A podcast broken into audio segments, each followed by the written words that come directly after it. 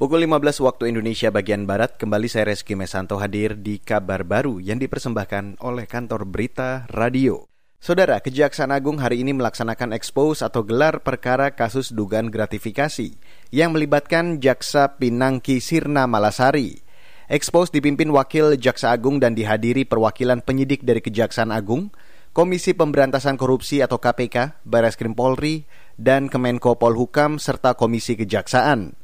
Jaksa Agung Muda Tindak Pidana Khusus Ali Mukartono mengatakan, gelar perkara baru bisa digelar hari ini karena menunggu materi kasus supaya lengkap untuk dipaparkan. Ini sudah atas izin Pak Jaksa Agung dengan adanya gelar perkara ini, maka membuktikan bahwa Kejaksaan tidak pernah menutup-nutupi penanganan perkara ini.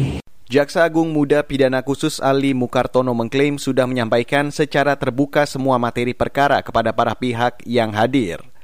Sebelumnya, Kejaksaan Agung menetapkan Jaksa Pinangki sebagai tersangka dugaan gratifikasi terkait pengurusan fatwa di Mahkamah Agung dalam kasus Joko Chandra. Ia diduga menerima suap 500 ribu dolar Amerika atau sekitar 7,4 miliar rupiah. Kejaksaan Agung juga menetapkan dua tersangka lain, yaitu Joko Chandra yang diduga memberi suap dan Andi Irfan Jaya yang diduga sebagai perantara suap. Beralih ke informasi selanjutnya, LSM Lingkungan Hidup Walhi Nusa Tenggara Timur dan komunitas Sabana Sumba menuntut aparat kepolisian setempat menghentikan kriminalisasi terhadap tiga orang masyarakat adat di Desa Patawang, Sumba Timur. Mereka adalah Hapu Tarambiha, Baron Kapengan Tanah Mba, dan Retang Hadambiwa. Tiga orang itu sebelumnya ditahan kepolisian atas sangkaan pengeroyokan dan perusakan barang milik perusahaan PT MSM. Menurut perwakilan Walhi NTT, Petrus Ndamung, tiga orang itu hanya mencoba menghentikan aktivitas perusahaan yang beroperasi di lokasi peribadatan adat atau Katuanda, Padang. Pemerintah harus menjamin kebebasan beribadah maupun uh, perjuangan atas hak-hak uh, masyarakat adat atas tanahnya yang selama ini sudah berlangsung uh, dari tahun 2016. Permintaan Walhi maupun Sabana Sumba pemerintah harus menyelesaikan semua persoalan uh, atau sengketa lahan secara khusus di Desa Patawang maupun di enam kecamatan lain yang menjadi wilayah konsesi dari PT Muria Sumba Manis.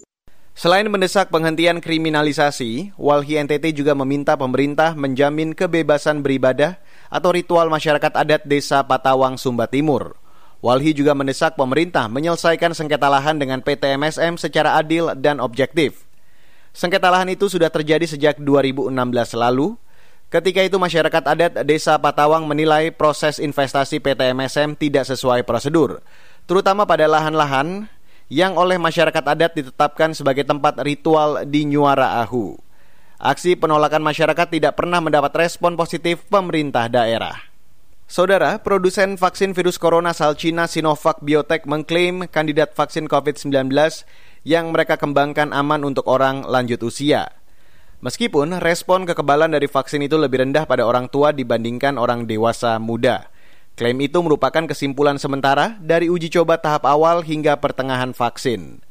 Pihak perusahaan Sinovac mengklaim kandidat vaksin COVID-19 tidak mengakibatkan efek samping yang parah dalam uji coba gabungan fase 1 dan 2 Uji coba dilakukan Mei lalu dengan melibatkan 400-an relawan berusia minimal 60 tahun.